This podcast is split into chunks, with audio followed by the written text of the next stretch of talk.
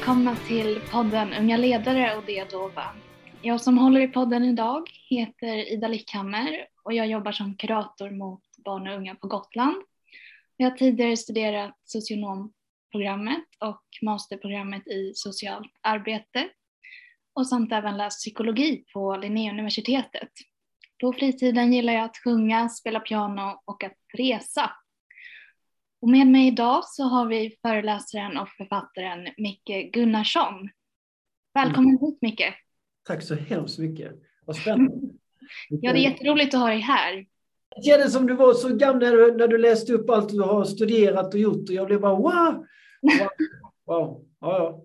Ja, vad snällt av dig. Ja, men du har ju också en massa saker på agendan. Jag tänker förutom att du är föreläsare och författare så driver du ju också någonting som heter Barnatro AB. Mm. Hur skulle du eh, förklara barnatro för de som aldrig har hört det? Alltså eh, barnatro egentligen, det är egentligen bara ett namn. Det är, det är liksom, eh, mitt bolag var tvungen att ha något namn. Så att jag använder mer mitt namn, Micke Gunnarsson. Det är mer det som är mitt ja, ska vi kalla det varumärke, men ja, det är det jag heter på Instagram och Facebook och ja, och jag är döpt också så i och för sig. Men, men, eh, så att barnatro har vi, har vi valt, det är jag och min fru som jobbar där, men vi har valt att inte lägga kraften på att fokusera på det namnet så att säga. Och så har det mm. alltid varit i, med alla företag jag har haft, jag, har testat liksom, tror jag, alla former av företag, så har det aldrig varit företagsformen eller det som har varit det viktiga för mig att bygga, utan snarare vad ska jag säga, vilken form passar bäst utifrån det jag vill skapa och förverkliga just nu. Och sen om det har varit enskild firma eller kooperativ eller aktiebolag så har inte det, det har inte, jag har valt det som har varit bäst i stunden. Och Barnatro vill, jag behövde ha ett aktiebolag för tio år sedan för att jag kände att ja, men med föreläsningarna, skrivandet, eh, allt annat jag gjorde liksom, så behövde jag ha, så var det dags att ha ett aktiebolag. Liksom.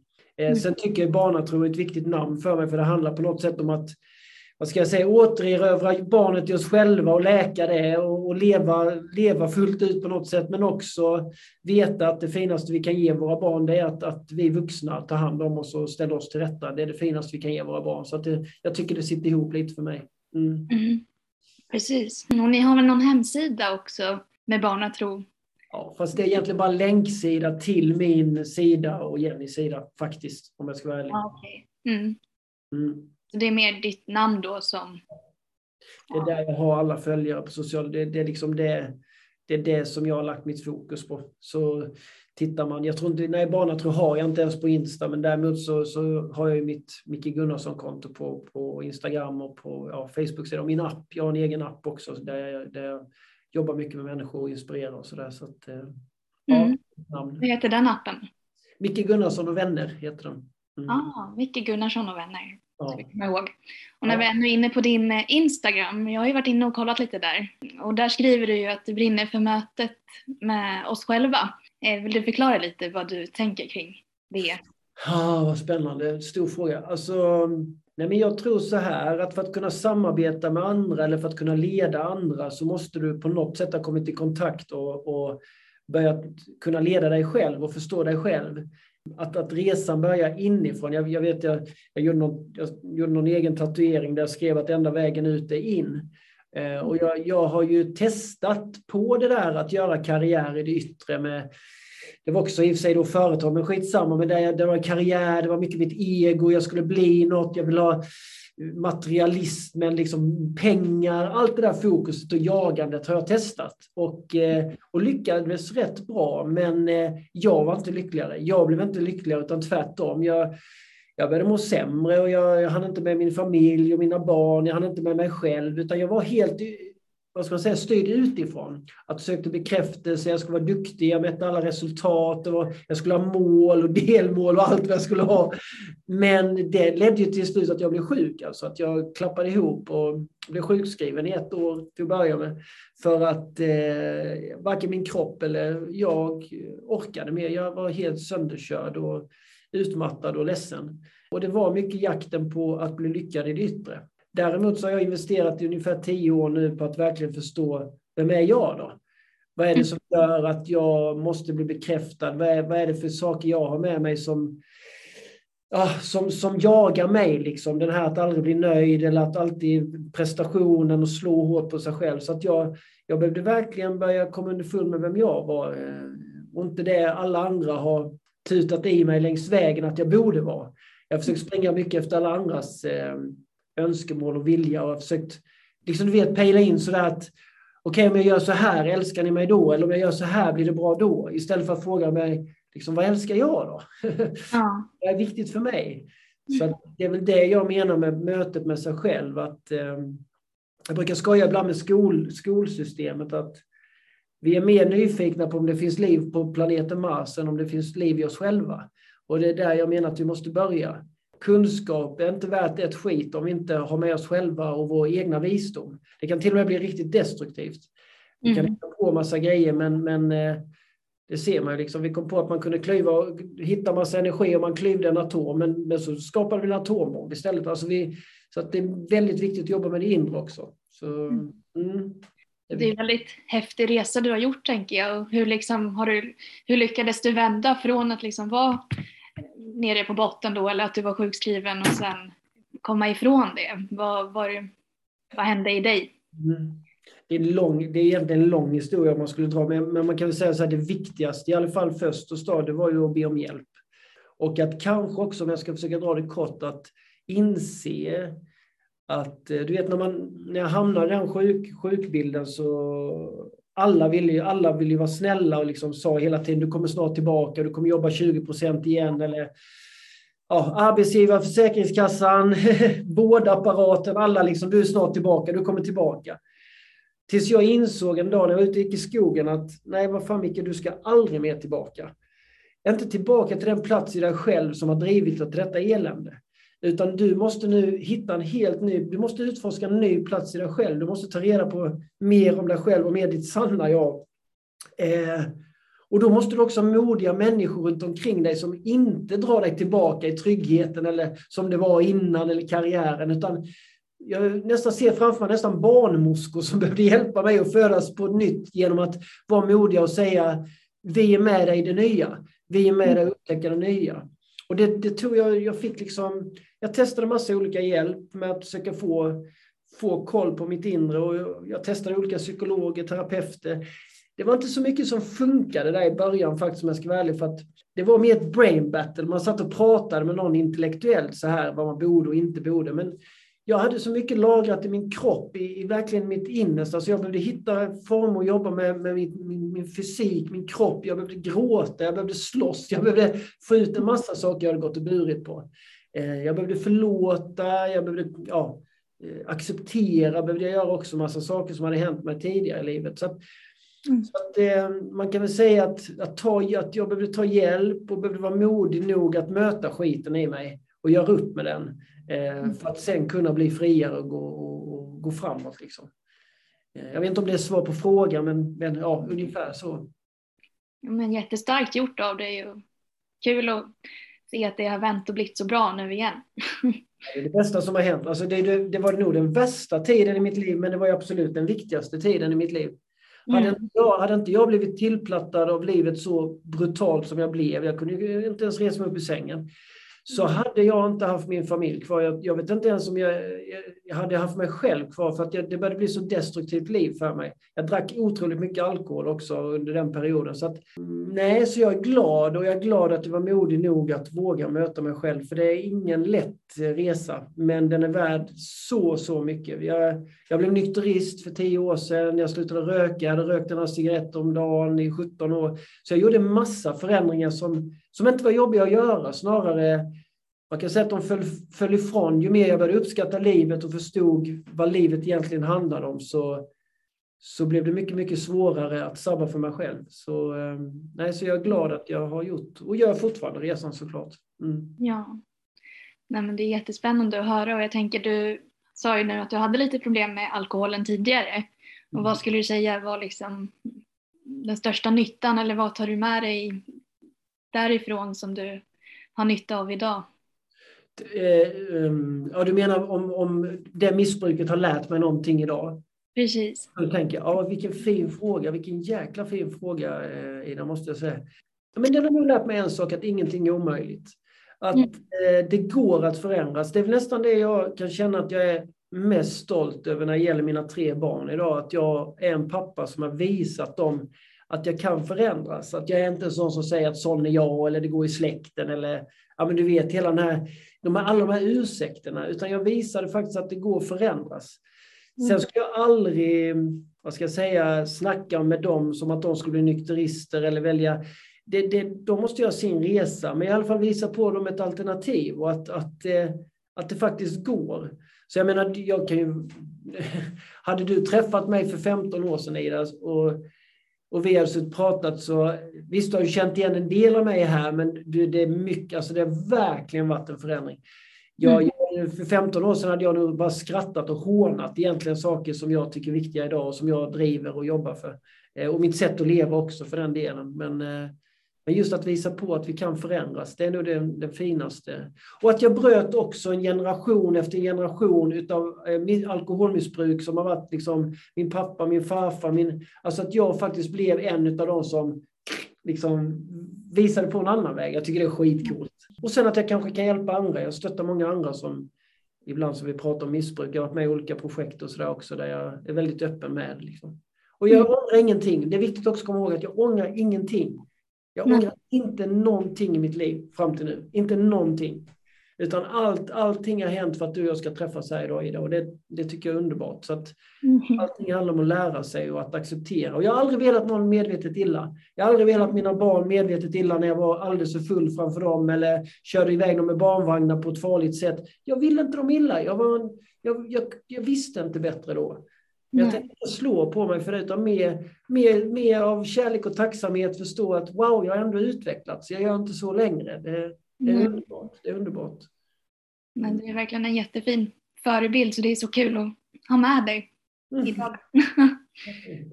jag tänker också lite när man har hört om dig så har, har du beskrivits som väldigt kärleksfull och modig och rak. Eh, är det något du känner igen? Tänker du att jag har beskrivit mig på det sättet eller? Nej, det är andra som har beskrivit dig som det. Vad kul. Ja. Eh, ja men jag menar, ja, men så här då.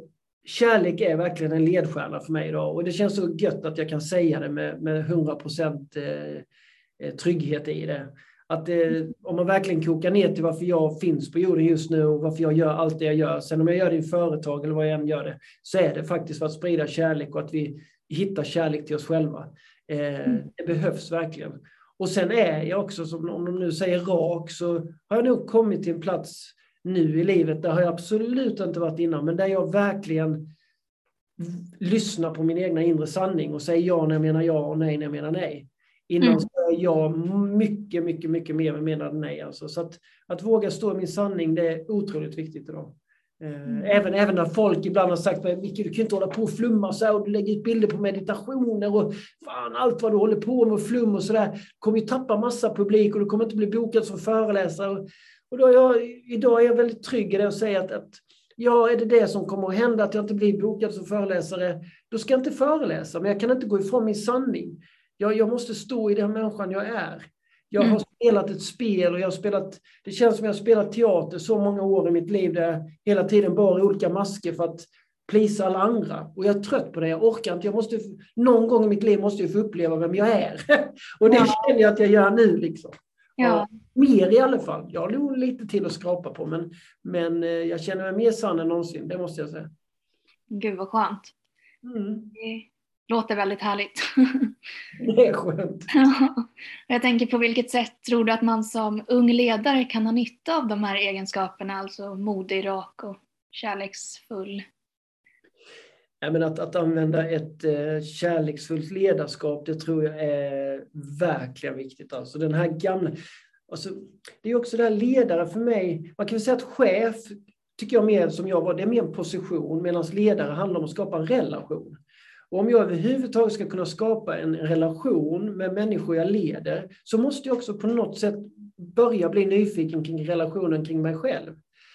Mm. Eh, och ju mer jag är det och ju mer kärlek jag kan hitta där, då, då, vet jag också att mina medarbetare vill inte illa. De gör sitt bästa.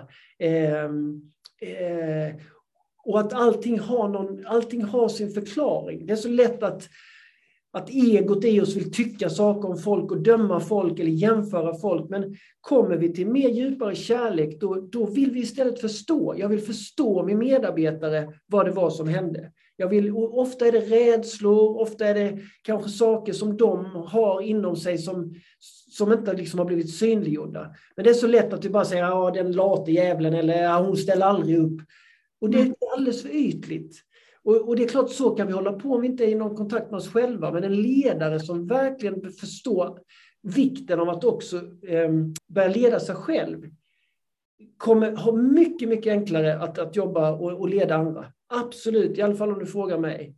Och jag, jag brukar göra, jag brukar ha det som tips, och det vill jag verkligen dela här idag med, då, att om det är svårt någon gång man står inför ett svårt möte, ett svårt beslut eller svårt, ja, svårt samtal, vad det nu kan vara, jag, jag frågar alltså kärleken om hjälp och det gör jag även i mitt föräldraskap. Att jag, jag frågar liksom inom mig, vad skulle kärleken ha gjort nu? Hur skulle kärleken ha resonerat? Och jag får alltid kloka svar. Och jag menar att kan göra det likväl inom näringsliv som i relation eller i sitt föräldraskap. För du får smarta, du får lite mer tid på dig. Du blir inte så reaktionär, utan du får lite mer tid på dig att faktiskt agera mer medvetet och klokt i stunden. Jag är helt säker på det. Så att det, det, är viktigt det här alltså. Jag tänker likväl som lärarhögskolor eller företagsutbildningar eller vad det nu kan vara.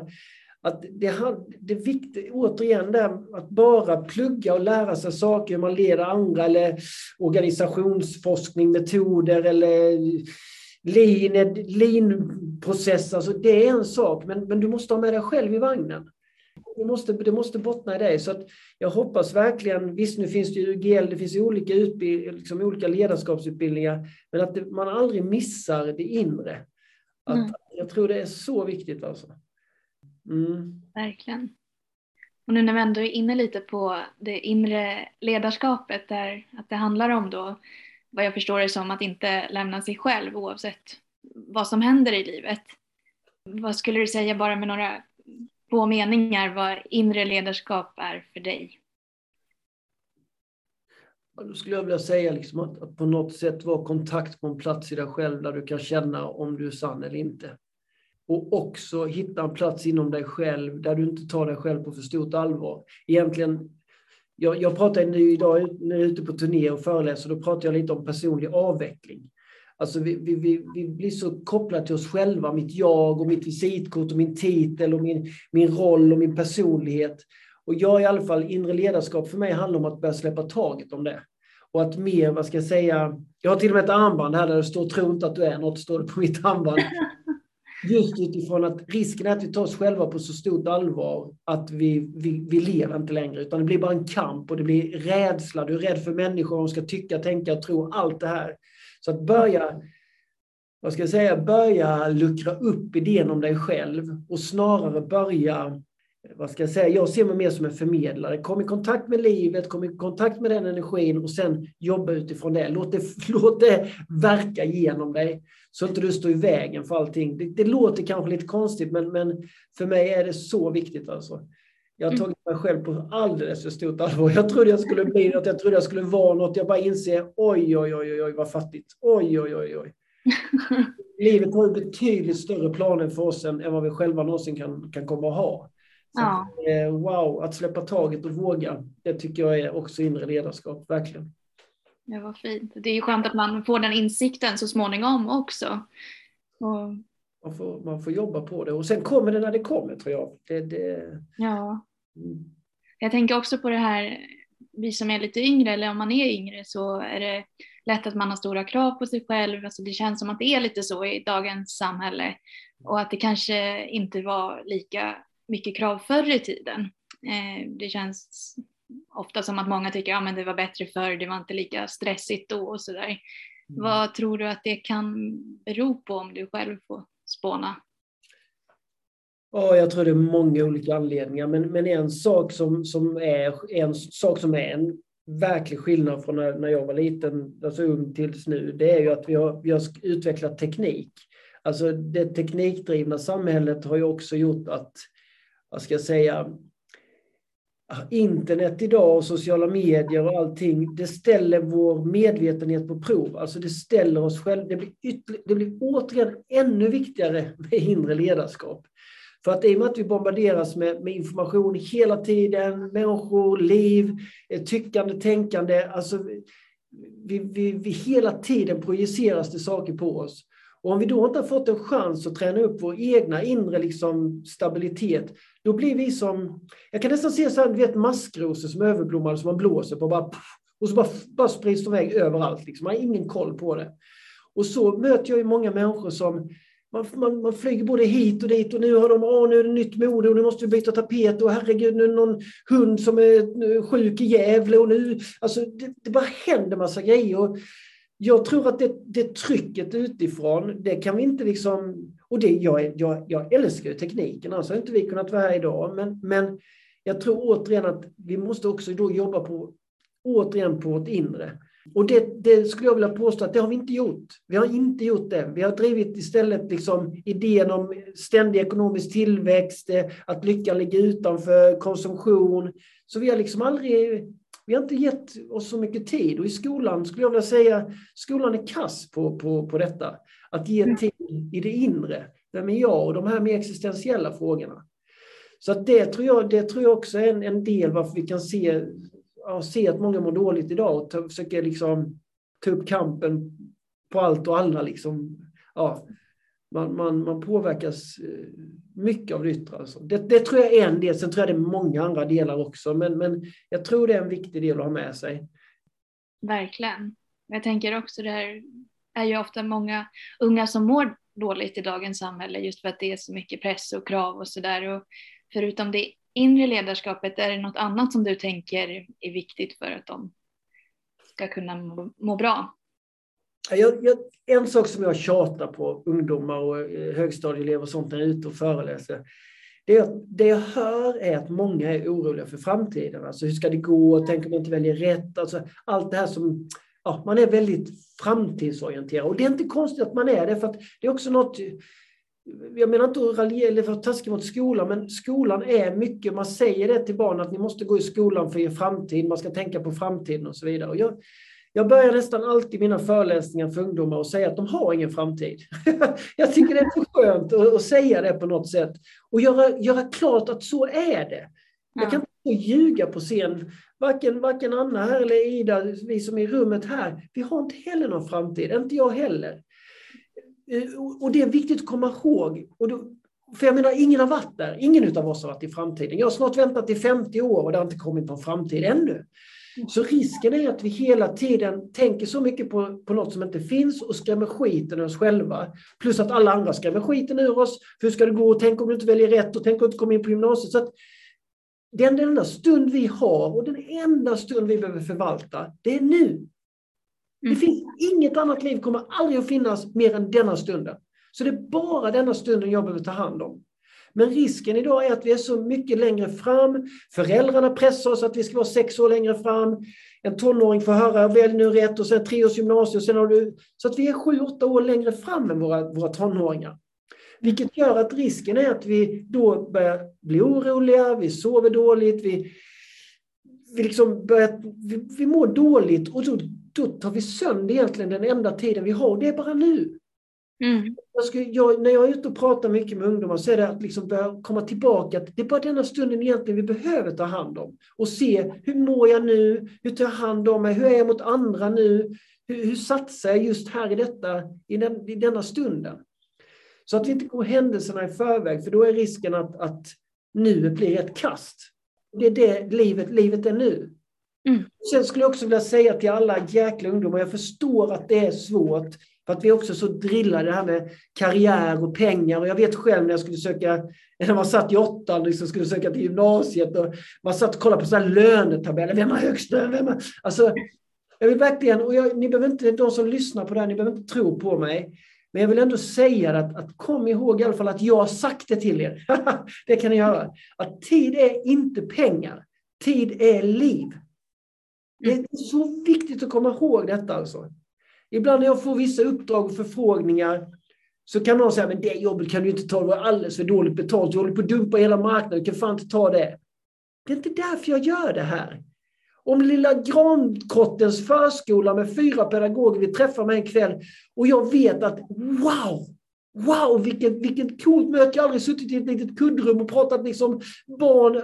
Då vill jag ju vara där. Det är det som är liv. Inte, inte pengarna, pengarna kan göra det lättare för mig ibland, men det är inte pengarna som gör oss lyckliga. Nej. Det är en illusion. Så mm. jag tycker också är en viktig grej att komma ihåg att wow, det, det, det är det jag får uppleva som är grejen. Mm. Mm, ja, så det, det stannar där, men jag, jag tycker det är, det är två viktiga grejer för mig i alla fall. Ja, jag tycker var väldigt intressant det där du sa också med att föräldrar ofta är liksom sex år fram med att det är bra att göra dittan och dattan. Eh, och hur tänker du att eh, en förälder, för du är så himla duktig på det här med att förklara och liksom hur man kan må bra just för att ge ungdomar och barn goda förutsättningar för att må så bra som möjligt i livet. Vad har du för tips liksom till föräldrarna? Så? ja, lite snabbt. Nej, men, ja, men ett är så här. Var ödmjuk, visa barmhärtighet till våra unga människor.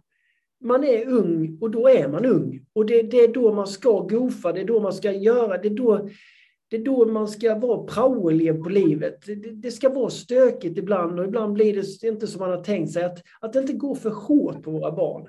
Och sen framförallt, lägg dig inte i din unges liv på det sättet att du försöker leva din unges liv. Alltså att du börjar pilla vilken gymnasieutbildning de ska gå eller vilken de ska välja på universitet. Visst, det är ett sätt att sitta och bolla med sitt barn, men kom inte och, och, och med något facit hur ditt barn ska leva, för du har ingen aning. Och ta särskilt gymnasievalet, så, så, jag menar det ska man ju också ha klart för sig. När, när, alltså, när jag, jag har frågat ungefär 10 000 föräldrar nu, när jag varit ute och föreläst genom de här åren, de här par, par tre år. Hur många av dem jobbar idag med det de tänkte när de var i nian och skulle välja till gymnasiet? Det är ju bara 10 procent. Det är en, en unge i varje klass. Och det kommer inte bli, det kommer inte bli fler av dem, det lovar jag. Det kom, den siffran kommer bara sjunka ännu mer. Så att jag tror, bara så inte vi... Jag, jag, skulle önska att vi tittade mer på våra barn på avstånd och bara såg, bara var nyfikna. Wow! Wow, vad är det som ska växa upp där? Wow! Och ge dem kärlek, ge dem näring, men ha tillit till att wow, vad häftigt! Istället för att själv försöka gå in och mejsla, du ska vara så, alltså, nej, utan ha tillit till processen och, och vara nyfiket förundrad över att, att de bara lever och andas och häng med på resan. Så mm. inte du börjar pressa och vara för hård. Och, och då menar jag det här med hård att många föräldrar som jag vet fortfarande liksom bestraffning och det är utegångsförbud och det är mobilförbud. Och det, alltså jag skulle önska att vi var lite mer barmhärtiga.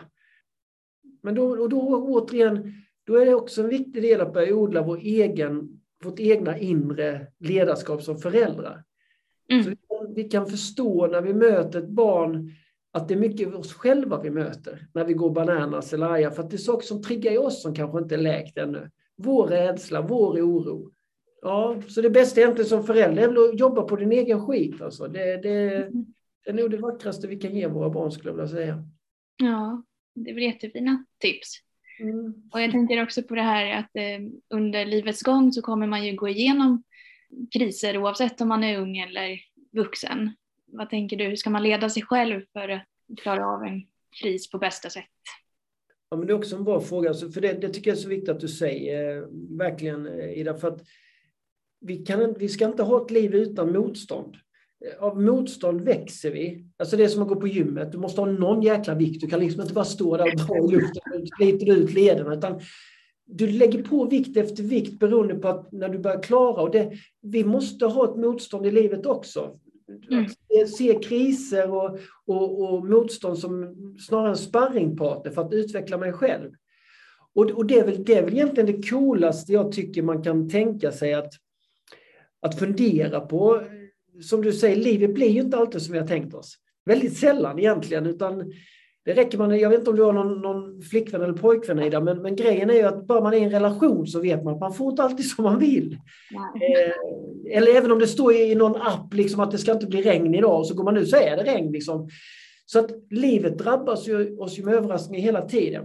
Det som, är, det som är det mest intressanta utifrån det är ju att se, att börja förstå mig själv. Vad händer med mig När, jag, när verkligen inte, verkligheten inte stämmer överens längre med hur jag tänkte det var. Mm. Räcker det med att en buss kommer för sent för att jag ska bli en rabiat jävel och börja skälla ut busschaufförer och kasta sten på bussen eller vad det nu kan vara. hur lätt rear jag ut mitt välmående? Jag var på ett hotell nu eh, förra helgen och gjorde föreläsningar. Så eh, mitt eh, så här nyckelkort, jag bodde på fjärde våningen, funkade inte. Fyra gånger. Så jag gick upp och gick ner, upp och ner fyra gånger. Och jag blev så jäkla glad över mig själv, för det var verkligen ett kvitto till mig själv, att det hände inget i mig. Det hände ingenting i mig. Det låter kanske konstigt, men jag, jag blev inte arg, jag skällde inte ut någon i receptionen. Utan sista gången jag gick ner, hon, däremot blev hon helt bara, kan jag bjuda dig på en kopp te eller sådär? Och jag visste innerst, det var inte, hon ville inte vara taskig mot mig. Nej. Det är teknisk liten grej. Det, det, är klart att teknik strular. Frågan är bara hur lätt, hur lätt är det att få igång Gunnarsson? Ja. Och jag menar, om jag skulle då sitta och vara förbannad och sur och bete mig som en galning, det sabbar ju bara för mig. Mm. Så att det där med, med kriser och motstånd, det tror jag det är jäkligt bra för oss för att det kan också, det hjälper oss att växa. Det hjälper oss att skapa nya möjligheter. Självklart i, i kriser så, så behöver vi självklart i en början i en kris få, vad ska jag säga, någon slags krishantering, att, att, bli, att i första stunden så är det väldigt viktigt att bara, bara, bara med omsorg, bara liksom att överleva, bara, bara fixa det. Men också där att vi, att vi inte är fega och tar hjälp, att vi vågar vara sårbara och att vi, eh, vad ska jag säga, om inte första hjälpen hjälper oss så att vi inte ger upp och säger att det är fan jävla läkarvård, utan ta nästa hjälp, ta nästa. Men, men att se, i början i en kris är vi väldigt rädda och det är panik, men efter ett tag, och jag kan se alla de kriser jag har gått igenom, idag kan jag ju se, wow vad det har lärt mig. Wow vad jag har vuxit med de erfarenheterna där och då är det ju svårt att säga till någon liksom bara, ja men kom igen, upp, upp, upp. Men, men på något sätt att, att ha någon tillit också där att, att eh, det kommer att ordna sig. Det, det, kommer, det kommer att ge sig. Men jag tror, börjar vi, ska vi försöka leva ett liv där det aldrig får några kriser, aldrig må dåligt, aldrig möta motstånd. Ja, det blir ganska fattigt liv alltså. Mm. Eh, skulle jag nog vilja säga. Och, och, och sen också, nu, nu pratar jag på, men jag måste säga en annan grej som jag tror är viktig i detta sammanhanget också och, komma, och inse. Det är ju att det är ju vi själva som skapar allt yttre.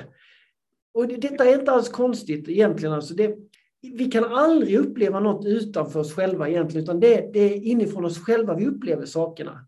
Om jag, om jag, liksom visar, om jag visar denna flaskan för dig, liksom, Mm. Så är det, det, liksom, det är inte ens en flaska om vi ska vara ärliga, för det är en bokstavskombination vi har kommit på, FLA. Liksom, det, det, är ju inte en flaska. Flaskan vet inte ens om att det är en flaska, utan det bara, ah, den bara är liksom.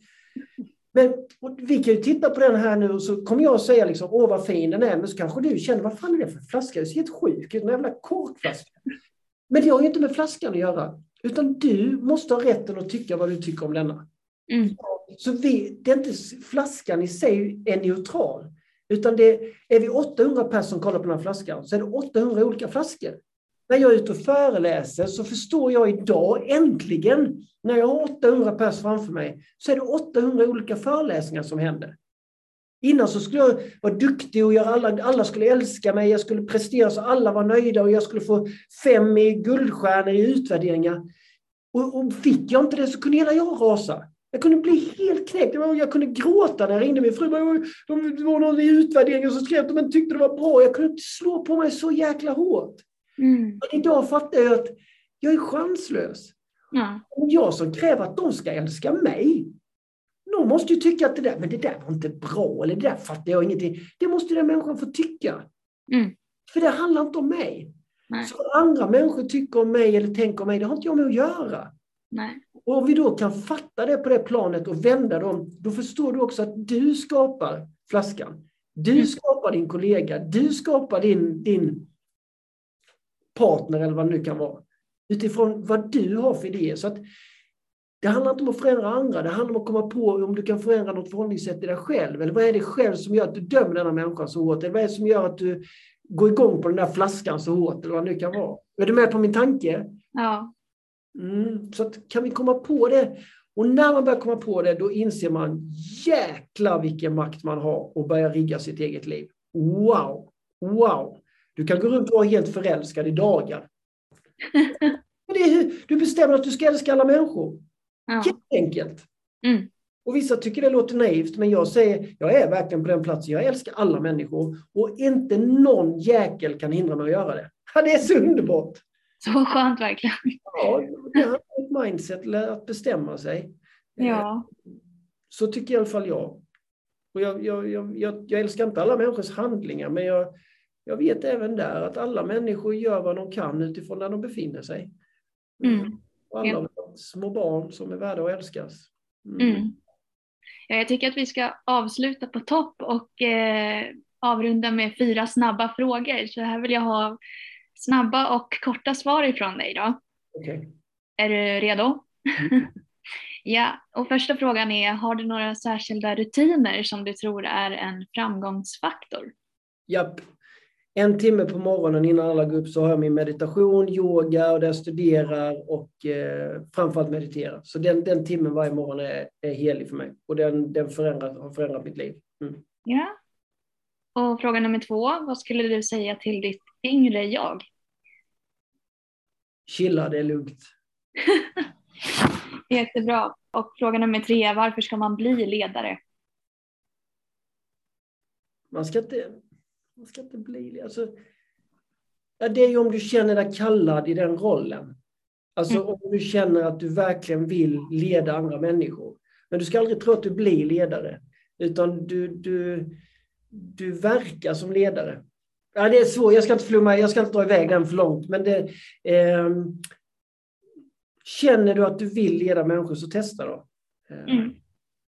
Men bara du inte gör det för att du tror du ska bli cool och att det är coolt att vara chef och hög lön och jävligt köra runt med coola bilar eller att det är din, din, din ego. För då, då blir du ingen bra ledare. Utan du måste älska människor. Du måste älska människor och älska att se människor utvecklas. Då kan du bli en bra ledare. Mm. Ha! det tar vi med oss. Och fråga nummer fyra nu då, den sista. Ja. I Juniorledarskapsakademin så förser vi studenter med praktiska ledarskapsverktyg. Och varför tror du att det är viktigt att göra det? Nej, men det, är väl, det är väl smart att ha en verktygslåda. Ska du mm. vara snickare så behöver du lära dig hur en hammare funkar. Liksom. Så att, eh, att ha olika modeller eller ja, verktyg tror jag alltid är bra att ha. Eh, men du får inte glömma bort att du själv är det viktigaste verktyget. Nej, mm. jättebra. Tack så jättemycket Micke för att du ville komma hit idag. Eh, du har delat med dig av så många användbara kunskaper och fina erfarenheter. Så jag tänkte fråga dig om eh, lyssnarna vill komma i kontakt med dig. Eh, vart kan de vända sig då? Vart kan de nå dig? Ja, Instagram då Micke Gunnarsson och så har jag en Facebook-sida som heter Micke Gunnarsson publiksida. Annars också min app. Jag har en app som heter Micke Gunnarsson och vänner som jag verkligen vill rekommendera. Och där, när det gäller unga människor så är det det mesta gratis. Om det är meditationer eller olika poddavsnitt och sådär. Så, så jag vill verkligen tipsa om, om, om den appen. Och vi kör också live-grejer varannan söndag där man får träffa skitspännande människor. Och, och ja, så det är, väl, det, är väl dem. Och sen min hemsida har jag också, men, men det är nog de delarna där. Ja. Mm, jättebra. Och för er som är intresserade av att kontakta mig som håller i podden så finns jag också på Instagram där ni kan söka på mitt namn Ida Lickhammer eller så finns jag på LinkedIn och också där mitt namn Ida Lickhammer. Tack så mycket! Tack själv!